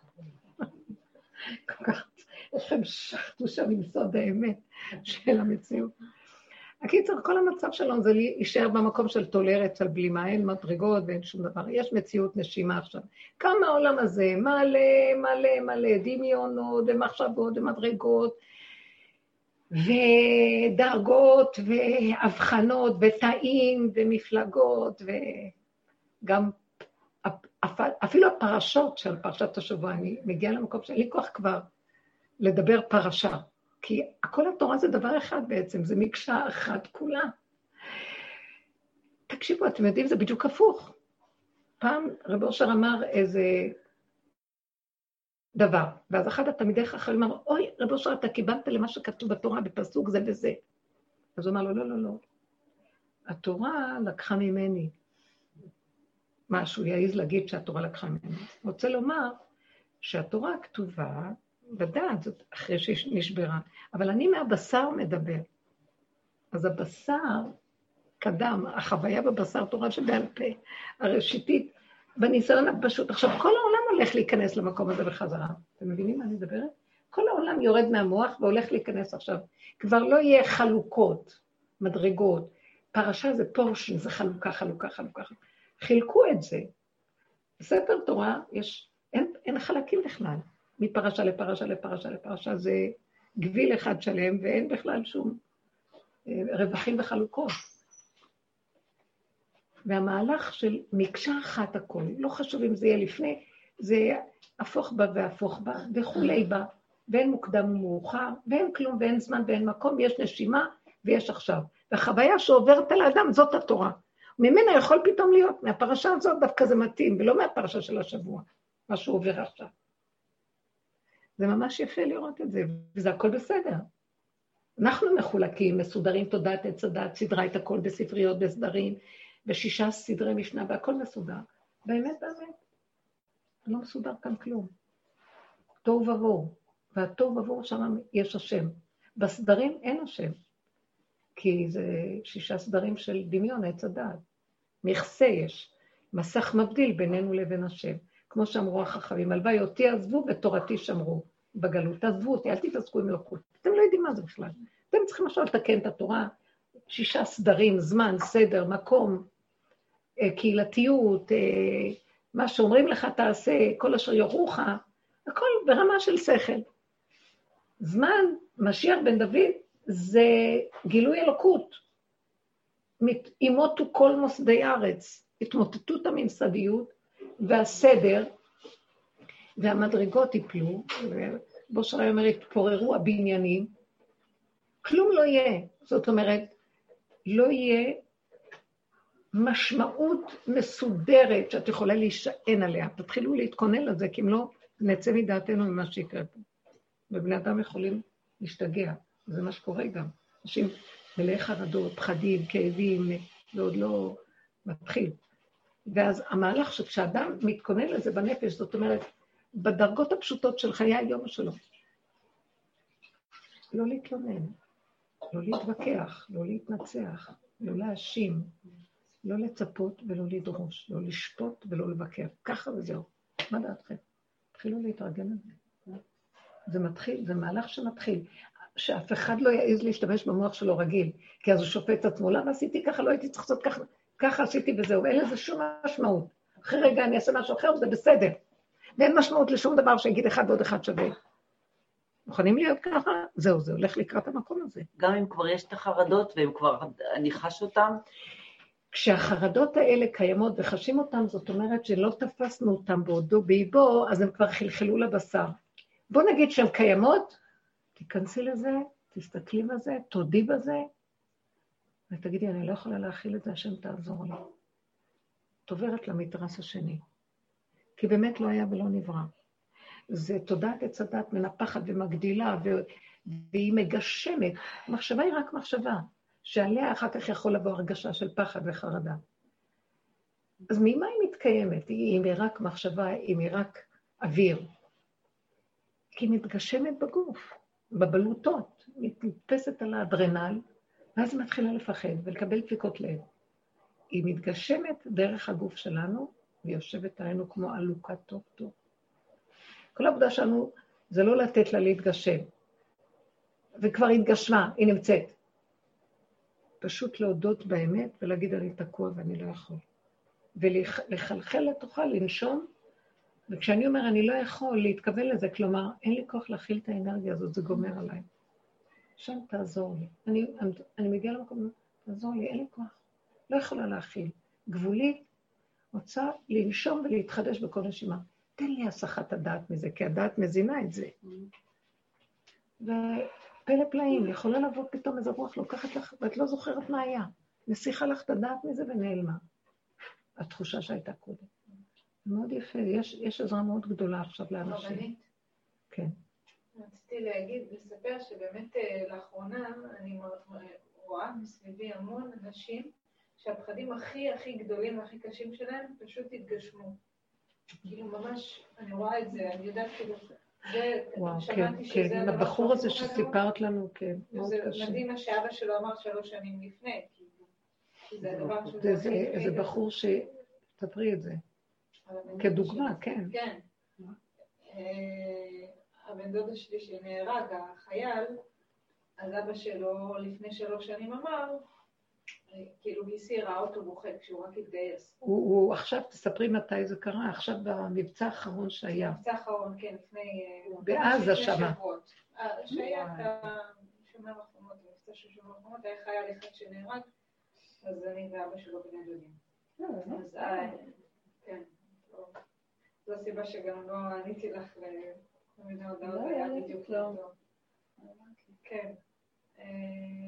אז לפני שלוש שנים. אז לפני שלוש שנים, אז הוא, אז גיסי נוי, בעלה של ראיה, ראה אותו בוכה, כאילו דברים... ראה את האבא. את האבא בוכה, אמר לו, למה אתה בוכה? כאילו, בגלל שהוא מתגייס, הוא אמר, זה מסוכן, יכול לפגוע בו טיל. אני זוכרת את זה, שזה היה. אמרנו, זה דבר מסוכן בקרבי, יכול לפגוע. וזה מה שקרה. כן, ואני רואה את זה, ופתאום נפתחו לי עיניים לראות את זה אצל כל מיני אנשים, ואז כאילו זה יחזיר את זה... פחד פחדים, לא לתת למוח הזה שום מקום, לא לתת למוח. יחזיר אותי לעצמי שזה באמת אסור, כאילו, את חייבת, כאילו, המחשבות האלו של הפחדים, חייבת לתפוס אותם ולפרק אותם, לא לתת להם... ממש. לתת להם אה, לבנות, אה, או אפילו לא רק סתם לתת להם ללכת לחלל של האוויר. ממש. לתפוס אותם ולפרק אותם. ממש. בנפשנו הדבר. הגולם לא יכול להכיל את כלום. ועדיין יש לו רשימו של מוח, אז מהפחד שהוא לא יכול להכיל, הוא מיד סוגר. כי הוא לא יכול. הוא לא יכול להכיל את המועקה שהמוח יכול להביא אותו בניסיון. זה בלתי אפשרי לעמוד בזה, זה דמיון. אנחנו, כשאנחנו לא קשורים למצב של הגבוליות שלנו, המוח הזה רחב עלינו, משוטט, מטייל, והוא הוא רודה בנו, מעביד אותנו בפרך, אם זה שכלית, אם זה רגשית, הרהורים ומחשבות, ואם זה רגשית, ואם זה בגוף, אה, אנחנו עמלים לריק והגיעים לבהלה, ואין תכלית לעובדים קשה, ועל מה? וכל התהליך הוא להתחיל, עכשיו יתחיל לקרות משהו פה, יתחיל לקרות, דברים מאוד מעניינים קורים. אנשים עובדים ולא מקבלים משכורות חודשים. אז מישהי אומרת, שהיא שאלה, למה היא לא מקבלת? אז הוא אמר מה הקשר בין זה שאת עובדת שאת צריכה לקבל? כי יש כאלה שלא עובדים ומקבלים משכורות. אמרתי, כי יש הרבה כאלה שלא עובדים ומקבלים משכורות. והפוך גם יכול לקרות. זה מה שקורה. אנשים מתחילים להגיד, בשביל מה צריך להיות כל כך קשה, אפשר גם לסדר את החיים בלי לבוא. וזה הולך לקראת זה גם, כי יש איזו חירות מסוימת שתודעת עץ הדת נופלת, המשעבד הגדול נופל גם יחד איתו. וכל תינוק בא במילא וכיכרו בידו, אז כל נברא, יש לו איזה קיום שמסודר לו, רק הוא מקלקל אותו על ידי החרדות שלו ודוחה את הקץ כזה כל הזמן. אה, עומד ונכנע למציאות ועושה מה שיכול, בלי לחשוב. בלי לחשוב אם אני אעשה ככה, ואעשה ככה, אולי לא כדאי, אז אני מפחד, מה אני, אני אשקיע בזה, אני אפיל בזה. אז נזרקים, נזרקים, נזרקים, נזרקים. מה שבא, בא, מה שלא בא, גם בא, הכל, הכל בסדר. אין טענות, אין מענות, פתאום יבוא משהו וזה בסדר. לא, אבל למה הדברים האחרים לא באו? לא היה ולא נברא. יש רק הרגע שצריך. בשביל זה אני אשב ואני לא אעשה כלום, תזרק, תעשה. ומה שיש תכתוב ותיקח. זו תפיסה אחרת מהחשבונאות של עץ הדעת, לא? אנחנו חיים בה, היא גומרת עלינו. ועכשיו אם נחיה בה, היא לא תעבוד, היא לא עובדת, היא לא עובדת.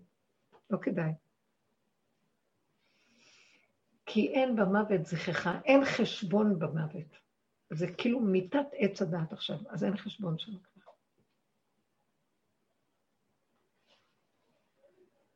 אני רואה שאני אני, אני עוברת את הדבר הזה עכשיו בעיקר uh, בבית, כי אני רוב הזמן בבית עם הילדות, ואני רואה שמה שהכי קשה לי איתו זה, זה שאני מרגישה שבעצם uh, אני בהפקרות, כאילו שזה לוקח אותי לשתות. יש לה ילדות בבית ב home schooling.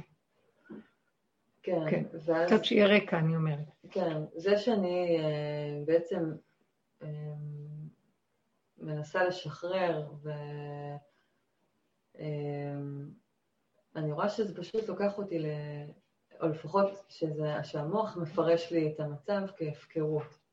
ואז זה מכניס אותי לאיזה מקום שהוא גם ביקורת. גם לא טוב. כן, זה, שזה גם ביקורת.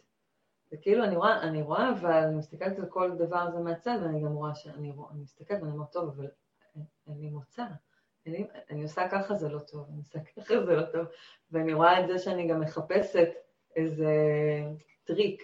תן לי, תראה לי מה אני צריכה לעשות, כאילו מה, לעשות ככה, לעשות ככה, איך זה יעבוד לי? עוד נפלא. כאילו, אבל שום דבר לא עובד, והוא מראה לי, לא, שום דבר לא עובד לך. אני כל כך שמחה לשמוע את זה. תקשיבו רגע, יורד אור חדש, הוא מתלבש על מקום שמסכימים ששום דבר לא עובד, אז הוא נכנס בו. אם זה מסודר, הוא לא ייכנס, כי הוא לא נכנס במקום של הסדר. איפה שיש אי סדר, זה אור שרק התוהו ובוהו שם. משה ניגש אל הערפל. האלוקות מתגלה בערפל, בתוהו ובוהו, בעין, בחושך. שזה לא חושך, זה המוח קורא לזה חושך, לעומת האור הדמיוני, הפסאודו של עץ הדעת. אז זה בשבילו סדר, שליטה. רגע אחד משהו לא מסתדר בספרייה ובסדר, אדם מאבד את השליטה ואת החיות שלו, ולרגע רואים מי הוא באמת. כולו דמיון. לעומת זה שחי, אם לא הולך ככה, אז בסדר, לא. עכשיו יבוא המבנט, לא, אתה צריך לעשות סדר, אתה צריך זה, תראה, יש לך אחריות, יש לך זה, בוא נגיד עליי. אבל השם מראה, אין שום אחריות, אין שום סדר. אתה מוכן להתהלך בתוך הטיפות האלה ולהגיד, ריבונו שלם, אין כאן סדר. אתה יכול להשכיל את הבן אדם. הון ועושר נחלת אבות, ומהשם אישה משכלת. השכלה לא באה מהסדר של הירושה, של דבר דבור על אופניו. בשנייה אחת אתה מביא את הברכה ואת השפע ואת הידע והכל מסתדר. בני אדם, עכשיו זה דור חדש. יש הרבה חוכמה שמתגלה, דווקא היא זורעת נחל נובע מקור חוכמה, מלמטה. ולא מהמוח. וילדים יותר חכמים מהמורים שלהם ומכל התוכניות שיש. והם לא רוצים ללכת לפי התוכניות. הם נראים כמו, הם, הם רואים שזה כמו, תחשבו, אנחנו בתוכניות האלה, זה, זה הבסיס של הבולשביקים עוד אז, עם הסדר של ההשכלה שלהם. העולם במקום אחר בכלל. מי אמר שכדי להרוויח את הקיום צריך לעבוד שמונה שעות, לדפוק את הכרטיס, ואם לא סיפות כמה שעות, אז יש, ואז יש יום חופשי וכולם יושבים, והם, אה, מה זה, מתמוגגים מהיום שהעבד קיבל חופש. איזה חיים אלה? למה? כל יום, כל נשימה זה, תחיה אותה. כל רגע זה מין, זה קיום שאתה בו, יש לך חירות, ומתוכו מקיים אותך. החוק האלוקי מקיים את האדם פה. למה הוא צריך להשתעבד למשהו? תודעת עץ הדת, יש לה סדר, חייבים ללמוד זה, צריך לעשות. היום כולם מפרקים כבר את התעודות של האקדמיות והכול. כי אין לזה משמעות גם, כמה משלמים על זה. כולם מנפנפ, מתנפנפים עם תארים ואין עבודות ואין זה, ואין להם קיום בכלל. וגנבו אותם, מלא כספים על כל דבר, כמה שילמו. והמהלך הזה הולך להתפרק ולהיות מאוד פשוט. זה לא, זה לא חייב להיות שאחד ועוד אחד שווה שתיים, זה גם יכול להיות מזוודה, זה הכל בסדר, לא נורא. יש משהו שבא מכיוון אחר לגמרי, איך שזה ככה. יש לזה המשך לסיפור? איך? יש לזה המשך לסיפור? ש... לא, כאילו מה התשובה לטל, שאת אומרת לא, על ככה לא וזהו? אני אגיד לך את האמת, לא. צריך, לא צריך המשך. כי בא מוח ואמר תראי, הוא בא, הוא בא לצייר אותה, מוח של עץ הדת, ומוח כזה מסודר, ששופט וביקורתי ודן, ובעולם אנחנו אומרים, זה טוב דווקא ביקורת. ואז אה, היא אומרת מה אני יכולה לעשות? אה, רציתי בשעה הזאת שילמדו זה, ובשעה הזאת שיעשו זה וזה, לפי התוכנית, זה, לא הולך. פתאום הן רוצות משהו אחר, פתאום קורה משהו אחר, פתאום, ואין שליטה לזה, ומה דעתכן? זה מה שיגרום שאחר כך הם יגדלו ולא יהיה להם שום דבר? בשנייה אחת שהן יכולות לשבת על הבגרויות, אם כבר יש תוכנית כזאת, ולגמור את הבגרות, בלי כל ה-12-13 שנים של איסורים ולא יודעת מה. וילדים היום עושים דברים גדולים, ממציאים דברים בעולם, המוח שלהם מדהים. קלטתי דבר מעניין, נסעתי מישהו שהוא איש מחשבים, ואז אז הוא אומר לי, תראי, הוא דיבר על הבינה המלאכותית שיש, על הגולם הזה של הרובוט, שזה מאוד מעניין, מזינים אותו במשהו, ועכשיו מה- מזינים אותו במקסימום שאפשר להזין, והוא מעצמו מפתח עוד המון המון אה, זרועות של חשיבה שהן מעבר למקסימום שחשבו שיכול להיות. שזה לא יאומן. יש לו המצאות ורעיונות מעניינים ש... שהמוח של זה שהזינו, הגאונים שהזינו, לא מצליחים להבין איך. ואז פתאום קלטתי את הנקודה, ואמרתי, וואו, הוא כזה גולם, שהחוכמה שבוקעת, חוכמת השכינה בוקעת בו. מרוב שהוא כל כך גולם מושלם הרובוט הזה, אז רק על גולם כזה יכול להיפתח כזה, כי אין לו עצמיות שלו. למרות שקוראים אותו. איך קוראים לך? הוא אומר, הוא הרביץ איזה שלוש הברות של איזה שם. אבל באמת אין לו עצמיות, כמו של הבן אדם. זה ממש מדהים, אז, אז אני מבינה שכל, החוכמה של הבריאה כל כך רוצה להתגלות, זה זמן גילוי מלכות השם. עכשיו, תמצא גולם שאין לו אגו וישות, היא דרכו תפרוץ כמה שיותר. זה בדיוק מה שהבנתי שקורה פה. והיא מחכימה אותו במיליון צורות על הנתונים שיש בו. זה לא הוא טיפש, מאיפה יש לו? אחד ברזל?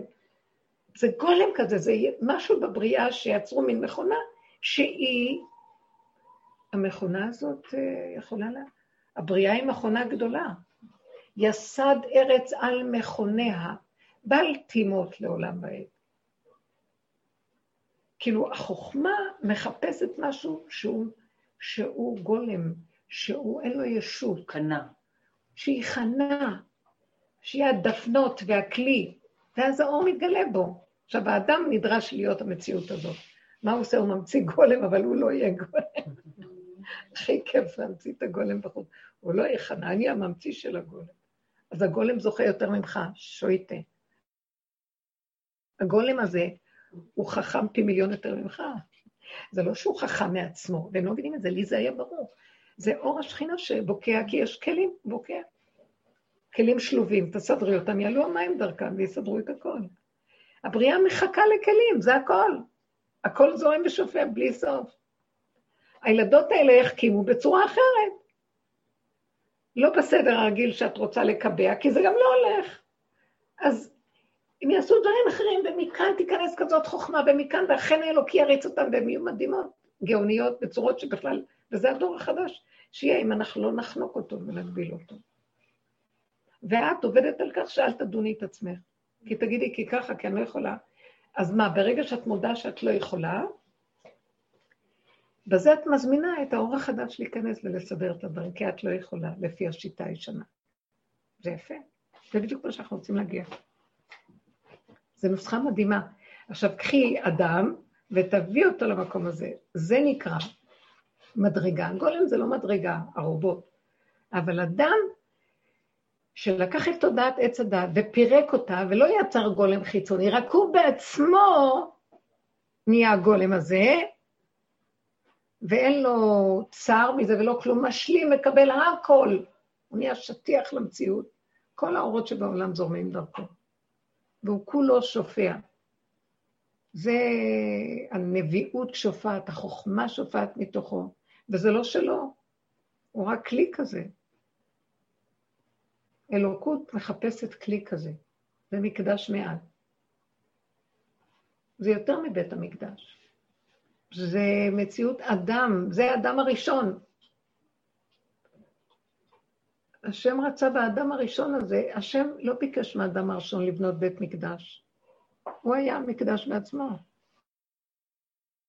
לא הצליח, אמר, ניקח אומה שלמה שתתקן את מה שהאדם הראשון חטא. וגם האומה לא הצליחה. נפלנו בחטא עץ הדת, אה, העגל, שזה וריאציה חוזרת של עץ הדת. אז עכשיו הוא אמר, אז היא להיכנס לארץ ישראל, נכון לשבטך פעלת השם, אנחנו אומרים את זה בקריאת ים סוף, בשירת הים. הם רק יצאו. בכלל לא מדבר כתוב על שום דבר. מה התכלית של יציאת מצרים וקריאת ים סוף? נכון לשבטך, בית מקדש, נכון לשבטך פעלת, השם מקדש, השם כוננו ידך. הוא בכלל חושב על מקדש, רק יצאו ממצרים, אה, עוד לא קיבלו את התורה. איך, מה קשור מקדש עכשיו? כי אני רוצה שתהיה מקדש מעט. אתה לא יכול להיות אדם אחד שהוא מקדש, אז לך לארץ ישראל, תבנה שם בית מקדש, כשתמעלים את הקורבנות, תבינו, זה הדגמה איך אתם צריכים להקריב את עצמכם, וכשאתם חוזרים משם, תבינו שכמו שראיתם שם, תעשו אחר כך שהם באים הביתה, ותהיו כל אחד ואחד מקדש מעט של השם, עד שיהיה בן אדם אחד. זה כאילו, כולנו ביחד איברים של אדם אחד שמגיע לתכלית הזאת, וזו הכוונה של הכול. וזהו. גם בית המקדש היה הדגמה של איך צריך להיות. לכן אדם אחד שווה יותר מהכל בעולם.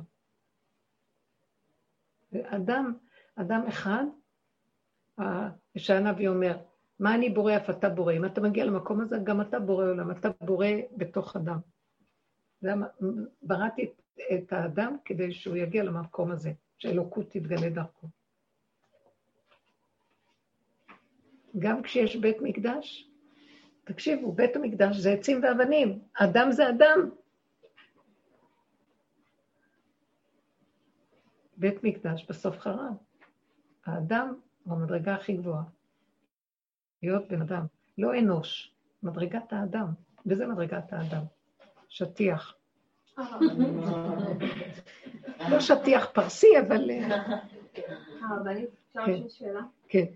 אמ, כאילו עזרה איך להוריד את הדרך שלנו למקרים ספציפיים במציאות. אה, הייתה לנו עם הבת שלנו, היה יום היכרות לכיתה א', לבנות שעולות לשנה הבאה לכיתה א', והיה לי מאוד קשה בבית ספר, כאילו הייתי מקובצת כל השעתיים. כאילו המנהלת חמודה וכולם חמודים, אבל הממסדיות והתכנים של משרד החינוך וזה, לא חשבתי שיהיה לי כל כך, כל כך קשה. ועכשיו אני כזה חושבת, אוקיי, מה, מה? לשלוח אותה ולסגור את המוח, כאילו, מה, מה אני עושה עם זה? יודעת, יש אפשרויות אחרות. יש אפשרות שהיא, אה, שזה להסיע לפרדס חנה, וזה גם... אה, רבי חייא או משהו. כן, אז כאילו זה טכנית, זה זה. כמה שפחות ממסדיות יותר טוב. בייחוד בנות, זה שערי זה רכות. בטוח, אבל אה, בנות אה, משהו אחר. יש פה מורות. כן. אני יודעת. יש אופציה מסוימת, אבל היא, זה, זה מאוד מאוד להתעסק עם זה, זה גם הרבה כסף, זה גם להתעסק עם להסיע בבוקר ולהחזיר, או הרבה התעסקות סביב ההסעות, כאילו, אה, אז... אה, אז את לא יכולה, לא, תחשבי לך נוח. מה שקל לך. תעשי מה שקל לך. כמו שחז"ל אמרו, עמי מקלו יגיד לו, ולסגור מה. שקל לו. מה שקל לי. תעשי מה שקל לך, ובבית תתני לה את החינוך? הנכון. בדיוק, גם, תתני לה בבית, גם אם לא תתני את זה תתני לה בבית את מה שאת רוצה שהיא תקבל. שם היא תביא הנה, קצת אני חומר. מגדלת זכלים, זה אחלה רביחייה. לא? מה שקל לך. לא השם נמצא גם בממסדיות דרך אגב. זה בדיוק שלנו שזה מתפרקת, גם שם להיכנס. כן, נכון. לא, מה שקל. מה שקל, לא אכפת. אבל זה כאילו, במקום אחד זה קשה בנפש, במקום השני זה קשה בטכני, בפעולות, כאילו, זאת השאלה. אז את הנפש. יותר קשה בנפש. אבל בנפש אפשר לפרק. אז, אז כאילו זאת, זה, זאת, זאת השאלה שאם בסוף, כאילו אם תבקשי מהשם שיזמן לך ש... שת... שתקבלי סידור בטכני ותשימי אותה במקום איפה שקל בנפש. כי הטכני יכול להסתדר. יכולה? אבל גם הנפש אפשר, לא? להגיד לו, תשמע, תרגיע אותי. אני באמת חושבת, אני לא אוהבת ממסדיות גם, אבל העבודות שאנחנו נעשה יפרקו את הממסדיות מבפנים. אם תחשבי כל היום, יואו, מה עושים לילדה שלי בממסד? לא, אם אני צריך בממסד, לעשות אותה שם. אני אהיה חייבת לסגור את המוח, אבל אה, לא. מה שיותר קל. היה לי ממש קשה, כאילו לא ציפיתי שיהיה לי כזה קשה להיות שם, פשוט כאילו הייתי ככה מכווצת ו... כי את כבר במקום אחר בנפש שלך, זה קשה. תקשיבי, תנסי, למה, למה זה כל כך קשה? מה? תמצאי ילדות שגם שייכות פה ושייסעו ביחד, תמצאי, תנסי כן. יש דבר כזה, אבל הנה, אז היא כל יום דואגת מחדש. אה, אבל זה אפשרי, בסדר. אפשר, תעשו משהו שלא תדאגו. אולי לא. אל תדאגו, תנסו לעשות אה, איזה משהו שיהיה קל, והשם יזמן לכם, כן. גם להתעסק שאדם עם רוצה אנשים אין לי. כוח, כל היום לא אה, להתעסק. להסיע, היום. אני, היום אתה, אין לי כוח גם לאנשים, זה עוד בעיה. אפשר לעשות את זה יותר פשוט. לא, אל, תלכי עם המוח, אין לי כוח, זה שקר גם כן. שחררי, שחררי ותראי, אה, תראי כמה שאפשר אה, פחות לעשות עניין. אין, אל תלכי עם המוח שהוא תקוע, אוקיי. ותלכי, תשחררי, וכל כל יום חדשות לבקרים. ובקטע הכספי גם לא לחשוב כאילו? לא לחשוב כלום. זה כבר יסתדר. כן. כן. לא, על מה את מדברת? על זה ש... זה עולה כסף. זה עולה גם הרבה אז כסף. זה עולה הרבה מאוד כסף. כאילו זה... מה? אם זה לא... מה זה? תגידי שאין לך. אני לא צריכה להגיד. זה נהוג שם. תיכנסי, אני מציעה ככה, תיכנסי, וכל פעם תקרטעי באיזה סיבה אחרת. כן, תני פה איזה 100 שקל, פה 50, אל תאמיני. אל תאמיני, תהיי חזקה. אין כלום. לא. זה לא נקרא ישרות, את לא ישרה. תלכי, תזרקי, בורא עולם ייכנס שם ויביא לך. אל תעשו חשבונות של כסף, תלכו עם מה שטוב ונכון, ותראו שהשם ישלם ויסדר. אז אם אה, זה עושה קצת ביזיון ושם, גם הביזיון זה רק פרשנות שלך במוח. אין לי, אני יכולה, אני אשלם מה שאני... לא יוציאו אותה. הם מחפשים תלמידים, מקבזים עליהם תקציבים, אל תדאגי. כן, הם רוצים ילדים. הכל בסדר. לא להתמסכן בעולם ולא כלום. לא לחשוב הרבה, ולא לדאוג ולא לפחד. תרוצו, תעשו מה שטוב לכם, בא לכם, וזהו, ולא לחשוב. תראו שהשם יזמן. הבעיה זה החשבונאות. וה... אה, כן, חיש... חישובים כאלה, ככה אולי, ככה, לא ככה, ככה. תזרקו, תעשו. אני לא יודעת איך, זה מישהי מדהימה מרב אושר, שאין לה אגורה אף פעם, וכל פעם שהיינו הולכות, פתאום היא נכנסת, היא אני צריכה את הספה הזאת בבית, אין להם אגורה, בעלה אברך, אני צריכה את הספה הזאת. אז היא כותבת צ'קים ואין לה כיסויים דחויים, והספות מגיעות, וזה מגיע, וזה. ואיכשהו, אני לא מבינה איך, דברים איכשהו, היא מגלגלת ומסדרת. לא יודעת איך. אני אומרת, את לא מאמינה איך הגיעה, הגיעה לזה, ואחר כך אומרת, הכל בסדר, זהו, אני לא יכולה, לה, אני יצרית, אני לא יכולה. תמיד התפעלתי מזה, כי היא כזאת, זה הטבע שלה, והיא לא יכולה. ממש מעניין הדבר, אני זוכרת את זה ברמות שפשוט אי אפשר לתאר. ולא היה לה בושה, ולא היה לה... מישהי פעם אה, אמרה לה, תראי, עכשיו אני צריכה מקרר חדש בבית, ואני איך מה לעשות? ואז היא אמרה לה, טוב, קחי את הכרטיס אשראי שלי ותקני לך מקרר. ואז היא הלכה לקנות את המקרר, מה שבחיים, מי קונה אותו בכלל? ונתנה לה בחזרה את הכרטיס, אחרי שהיא קנתה. אז היא, היא באה להגיד לי, אני הייתי בשוק, לא חשבתי שהיא זה. כאילו, תקשיבו, אני בטוחה שהשם מת עליה ואוהב אותה, והיא לא עשתה שום דבר עליה אף אחד. אתם מבינים? היא נתנה לי את הכרטיס, אמרה תקני מקרר. אישה עשירה, תקני מקרר. אחר כך היא הסתכלה, רק האישה עשירה יכולה לקנות לעצמה כזה מקרר, אבל היא לא. למה לא? תני את הכסף שלך גם לשם, לא יכול להיות. השם צוחק על כולם. הוא אומר, לי הכסף, לי הזהב, נאום השם. מה אתם קשקשים? מאוד הסתכלתי על האי העשירה הזאת, וכל שני וחמישי באיזה עולם אחר של משהו. פעם באמריקה, פעם בלונדון, פעם. אני לא מקרר שלושים, מה יש? השם צחק עליה, לא? כן, לקח ממנה. הוציא ממנה. והיא תמימה, לא יודעת, אני קונה, אנחנו ניקח. זה נחמד, תקשיבו, הכל הולך להיות בדיחה עוד מעט, פורים. איך אנחנו רציניים כיפור. פורים, תקני, את רוצה לעשות אבל אנחנו לא יכולים. לא, אנחנו לא כאלה, אבל היא כזאת, זה הטבע שלה. או לפחות לראות שאני עוד אחוז ביכולת. מה, אם יש לי, אני לא אעבור למינוס, כי אז מה יקרה איתי, וכל מיני פחדים לראות את זה ולהגיד, אני תקוע פה. אז היא לא חושבת שהיא תקועה, היא הולכת בכל... זה יפה, לא? בטבע היא כזאת, וזאת דוגמה טובה מאוד בשבילנו. תזרקי, תעשי את זה. את יכולה? יכולה טוב, לא יכולה להיות טוב.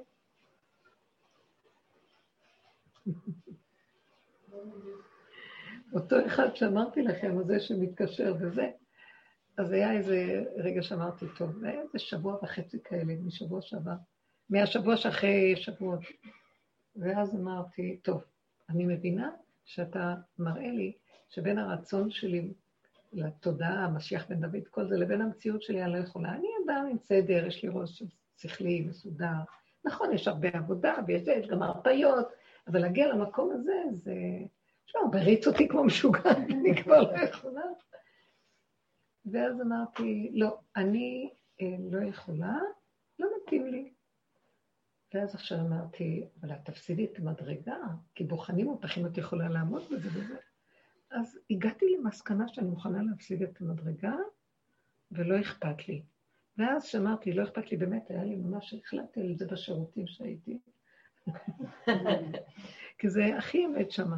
כאילו הרגשתי, לא רוצה מדרגות. זה, זה דמיוני, זה הכל באו לבחון אותי, ואמרתי, לא, לא, זה גם דמיון.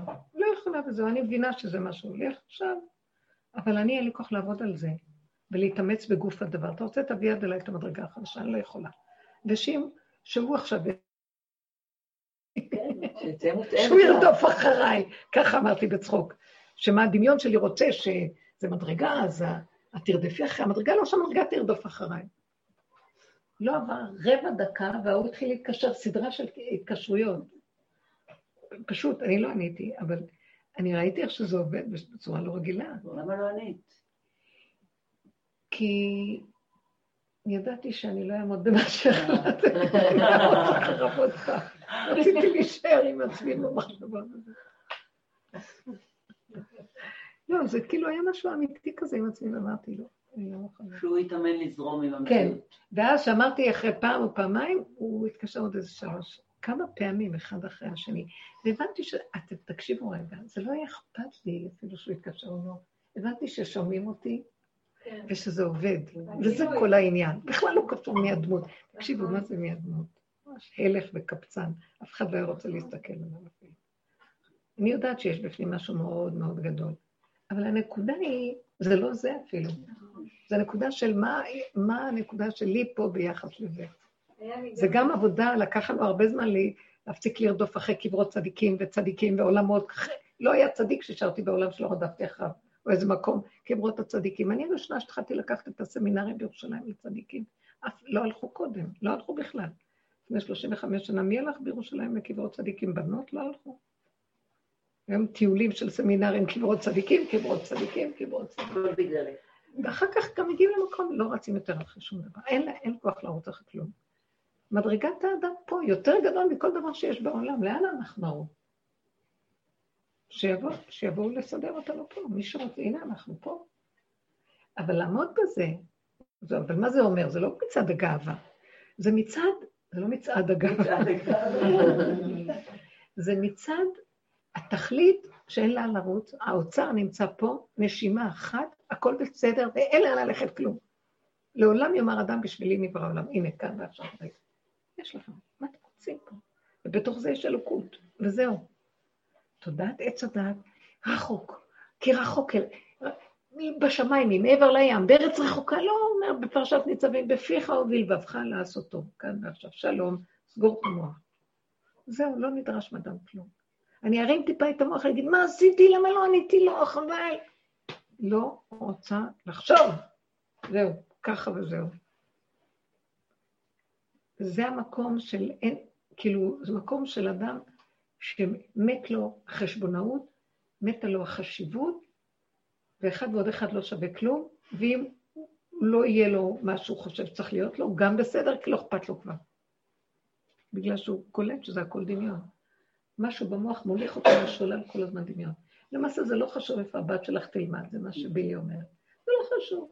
זה לא חשוב, נעשה זה או זה או זה. סתם ברגע אחד של עולם אני אומרת, טוב שם לילדה יותר, טוב יהיה לך בצד הרגשי הנפשי. תצילי אותה. הכי חשוב שיהיה לי שקט ורגוע.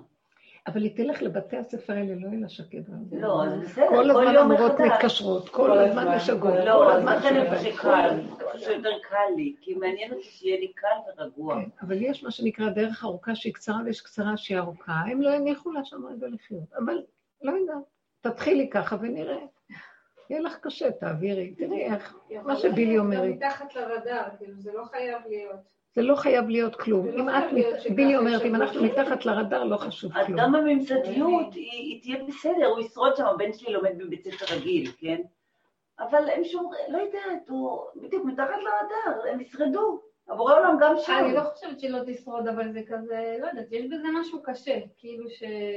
זה אז- כמו לשים את הילד במקום שמרעילים אבל זה המחשבה שלך עושה את הקושי. נכון. תסגרי אותה, אין קושי, אין מחשבה. ברגע התפתיתי, הלכתי איתך במחשבה. אבל בילי יותר צודקת ממני. בילי אומרת ממש, בילי, בילי, בילי, בילי, שטויות. בילי מותק. הרבנית פישר, ממי. בילי מותק. טוב, נכון. שכל הזום ישמע. פעם שתי ילדות בגינה אצלנו בשכונה, שהיה אז אה, ש"ס וג' התחילו, הרב שחמה לעשות את ג', המפלגה וש"ס. אז אה, זה, זה ספרדי, זה אשכנזי, אז שתי ילדות קטנות בגינה. היא לה, ג' לך מותק בש"ס פויה. אז עכשיו אני אומרת, בילי מותק, זה לא, אבל הייתי פויה. לא. רבנית מותק ובילי. זה כל כך היה מצחיק שראיתי את שתי הקטנות כבר אז, מתחילות עם המחלוקת הזאת.